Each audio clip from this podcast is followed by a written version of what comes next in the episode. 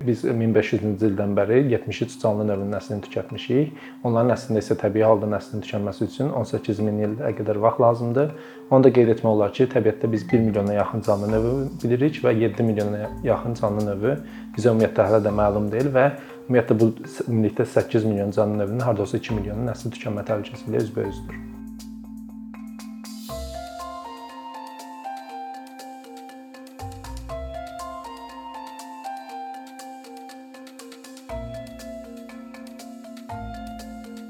Təbiətdə canlıların nəslinin tükənməsi yeni bir proses deyil və daim baş verən prosesdir. Məsəl üçün bu günə qədər dünyada 5 dəfə heyvanların nəslinin tükənməsi hadisəsi baş verib ki, bunlardan da sonuncusu 66 milyon il öncə dinozavrların nəslinin tükənməsinə səbəb olan meteorit olub. Lakin biz insanlar olaraq 6-cı nəsil tükənmə hadisəsinin içərisindəyik və buna görə də bu proses androsen nəsil tükənmə hadisəsi adlanır. Yəni biz təbiətdə canlıların nəslinin tükənməsini sürətləndirmişik belə bir hesablamalar var ki, təbiətdə bir məməli növünün nəslinin tükənməsi təqribən 100 ilə baş verirdisə, biz artıq bunu 10 və ya 100 dəfə çoxaltmışıq və artıq heyvanlar daha sürətli formada nəsli tükənir. Belə bir başqa bir hesablama da mövcuddur ki, biz 1500-cü ildən bəri 73 canlı növün nəslini tükətmişik. Onların əslində isə təbii halda nəslinin tükənməsi üçün 18 min ilə qədər vaxt lazımdır. Onu da qeyd etmək olar ki, təbiətdə biz 1 milyona yaxın canlı növü bilirik və 7 milyona yaxın canlı növü bizə ümumiyyətlə hələ də məlum deyil və ümumiyyətlə bu ümumilikdə 8 milyon canlı növünün hardasa 2 milyonu nəsli tükənmə təhlükəsi ilə üzbəüzdür. Baxdıqda isə nə üçün bu canlıların nəsli tükənməyə başlayıb? Burada müxtəlif səbəblər mövcuddur. Bunlardan birincisi hal-hazırda gündəmdə də olan və COP28 e, görüşündə də müzakirə olunan iqlim dəyişikliyi prosesidir. Bizə məlumdur ki, qlobal istiləşmə nəticəsində müxtəlif heyvanlar öz areallarını itirir və nəsli tükənməyə başlayır. Ən böyük problemlərdən biri isə ikinci səbəb də ondan ibarətdir ki, canlıların həddindən artıq istismarıdır. Məsəl üçün biz ölkəmizdə daxil olmaqla dünyanın bir çox yerində qanunsuz ovçuluq, qanunsuz balıqçılıq və həddindən artıq balıqçılıq prosesləri baş verir. Məsəl üçün bizdə Xəzər dənizində Xəzər suitisi adlanan canlı növü var. Bu ötən əsrdə sayı 1.5 milyon idi. Hal-hazırda isə onların sayı cəmi 70 minə qədər azalıb. Digər bir problem isə heyvanların nəsil tükənməsində olan işğalçı növlər adlanan kateqoriyadır. Yəni hər hansı bir canlının öz təbii ərazisindən götürülüb başqa yerə yayılmasıdır. Ölkəmizdə də məsəl üçün Amerikadan gətirilmiş yenotlar və nötrya kimi canlılar yerli təbiət nümunələrini məhv edir, xüsusən də yenotlar nadir suda qurda yaşayanları və talış qırqovlu kimi nadir quş növlərinin məhvini sürətləndirir. Yenot məsəl üçün Sovet vaxtında öz xəzlərisindən istifadə etmək üçün götürülüb və yəni burada insan yenə mənfəyi olub. Lakin onlar yaxşı idarə etmə etmədiyindən onlar təbiətə yayılıb. Bu gün Azərbaycan elə bir meşəsi yoxdur ki, ora yenot yayılmasın. Hətta bizdən Gürcüstana və İrana da yayılıb.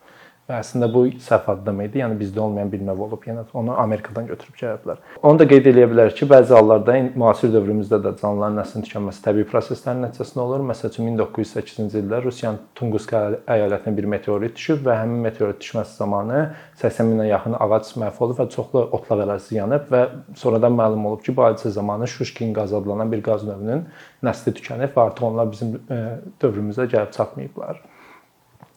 Bundan sonra biz qeyd edə bilərik ki, bu canlıların nəslinin tükənməsini öyrənmək nə üçün vacibdir? Burada iki böyük yanaşma mövcuddur. Birinci yanaşma ekosentrik yanaşmadır. Yəni təbiəti sırf mövcud olması üçün qorumaq. İkinci yanaşma isə androsentrikdir. Yəni biz insanların baxış bucağıdır ki, biz təbiətdən hansı faydalar götürürük? Buna ümumilikdə isə ekosistem xidmətləri deyilir. Təbiətdə 4 qrup ekosistem xidməti mövcuddur. Bunlardan e, birincisi təminat funksiyası adlanır. Yəni təbiətin bizə verdiyi faydalardır ki, bura qida daxildir, geyim daxildir, su daxildir, eyni zamanda isə dərman preparatlar daxildir. Məsəl üçün bildiyiniz kimi e, antibiotiklərdən olan penisilin göbələk vasitəsilə əldə olunur. Təbiətin bizə verdiyi ikinci ekosistem xidməti isə hə, tənzimləyici ekosistem xidmətləri adlanır. Bura qida zənciri daxil, məsəl üçün hər hansı bir canlı məhv olduqda onu leşiyən canlılar yeyərək bizi belə deyək müəyyən xəstəliklərdən qoruyurlar.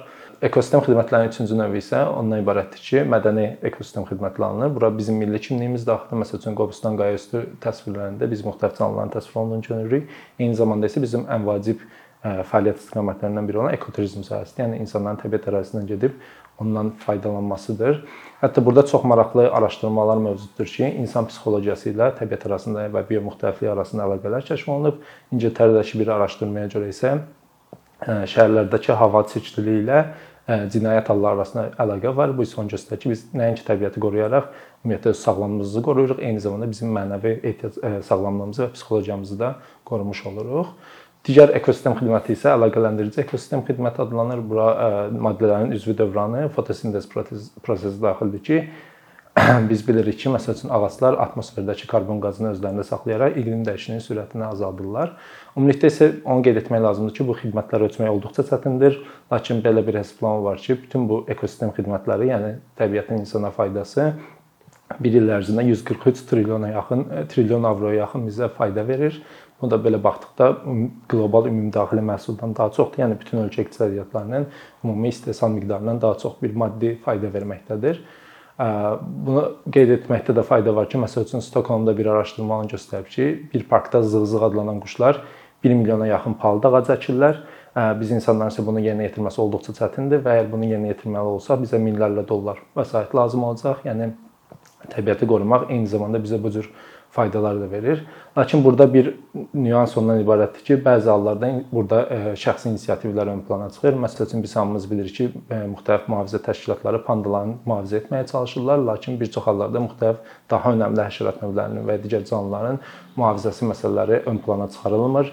Biz bilirik ki, məsələn tozlayıcılar olmasa və ya peyin böcəyi kimi böcəklər olmasa bizim ekosistemlər fəaliyyət göstərə bilməz və istər qida zəncirimiz olsun, yediyimiz qidalar olsun və s. öz ə, e, bizə təmin oluna bilməyəcək. Bundan əlavə onu qeyd eləyə bilərik ki, məsəl üçün son günlərdə gündəmdə olan məsələlərdən biri mamotların yenidən dünyamıza qaytarılmasıdır. Burada çox ciddi sual çıxır ki, nəyə görə biz milyonlarla dollar vəsaiti artıq nəsli tükənmiş bir canlını geri gətirməyə sərf edirik. İlk öncə qeyd etmək lazımdır ki, biz ümumiyyətlə mamotları əldə edə bilməyəcəyik. Biz sadəcə mamont xüsusiyyətləri daşıyan Asiya fili əldə edə bilərik. Buna görə onlara mamofant deyilir. Yəni mamont və elephant sözlərinin ingiliscə birləşməsindən yaranıb. Bu isə olduqca maraqlı bir prosesdir ki, dünyanın biomlarından biri tundra stepləridir, yəni tundradakı çöl ərazisidir və ortaya çıxıb ki, məlumatlar olan vaxtlar onlar qar örtüyünü əzərək orada permafrost adlanan qatın mühafizəsinə səbəb olublar ki, hansı ki bu qatda çoxlu miqdarda karbon və metan qazları toplanıb və əgər o həmin qat əriməyə başlasa iqlim dəyişikliyi ilə bizim iqlim dəyişikliyi prosesi daha da sürətlənəcək, müxtəlif həddə viruslar yayılacaq və biz daha da təhlükəli bir vəziyyətdə olacağıq. Məhz bu səbəbdəndir ki, e, hər hansı bir nəsli tükənmiş canlıdan belə yenidən çox böyük miqdarda maliyyə vəsait ayıraraq dünyamıza qaytarmağa cəhd edirlər. E, ümumiyyətlə baxdıqda isə təbiətdə canlıların mühafizəsi iki böyük e, metodla yerinə yetirilir. Birincisi xüsusi mühafizə olunan təbiət əraziləridir. Yəni ora müdaxilə etmədən canlılar olduğu kimi qorunur. Ölkəmizdə də e, qoruqlar, milli parklar və yasaqlıqlar mövcuddur, lakin ümumi dünya statistikasına baxdıqda dünyanın quru ərazilərinin cəmi 15%, su ərazilərinin isə 10% xüsusi mühafizə olunan təbiət ərazisidir. Ölkəmizin ərazisində cəmi 10.3% mühafizə olunur. İkinci yanaşma isə ondan ibarətdir ki, e, buna rewilding deyirlər. Vaxtilə mövcud olmuş canlıların əvvəlki areallarına bərpa olunmasıdır. Məsəl üçün mamotlarında bərpa olunma məqsədi bundan ibarətdir. Ölkəmizdə də bu proses baş verir. Məsəl üçün bizə zuburlar gətirərək Avropanın müxtəlif zooparklarından Şata Milli Parkının ərazisinə buraxılıb. Bunun məqsədi isə odur ki, vaxtilə onlar mövcud olduqları əraziləri yenidən bərpa etsinlər, yeni ekosistemlər yaratsınlar.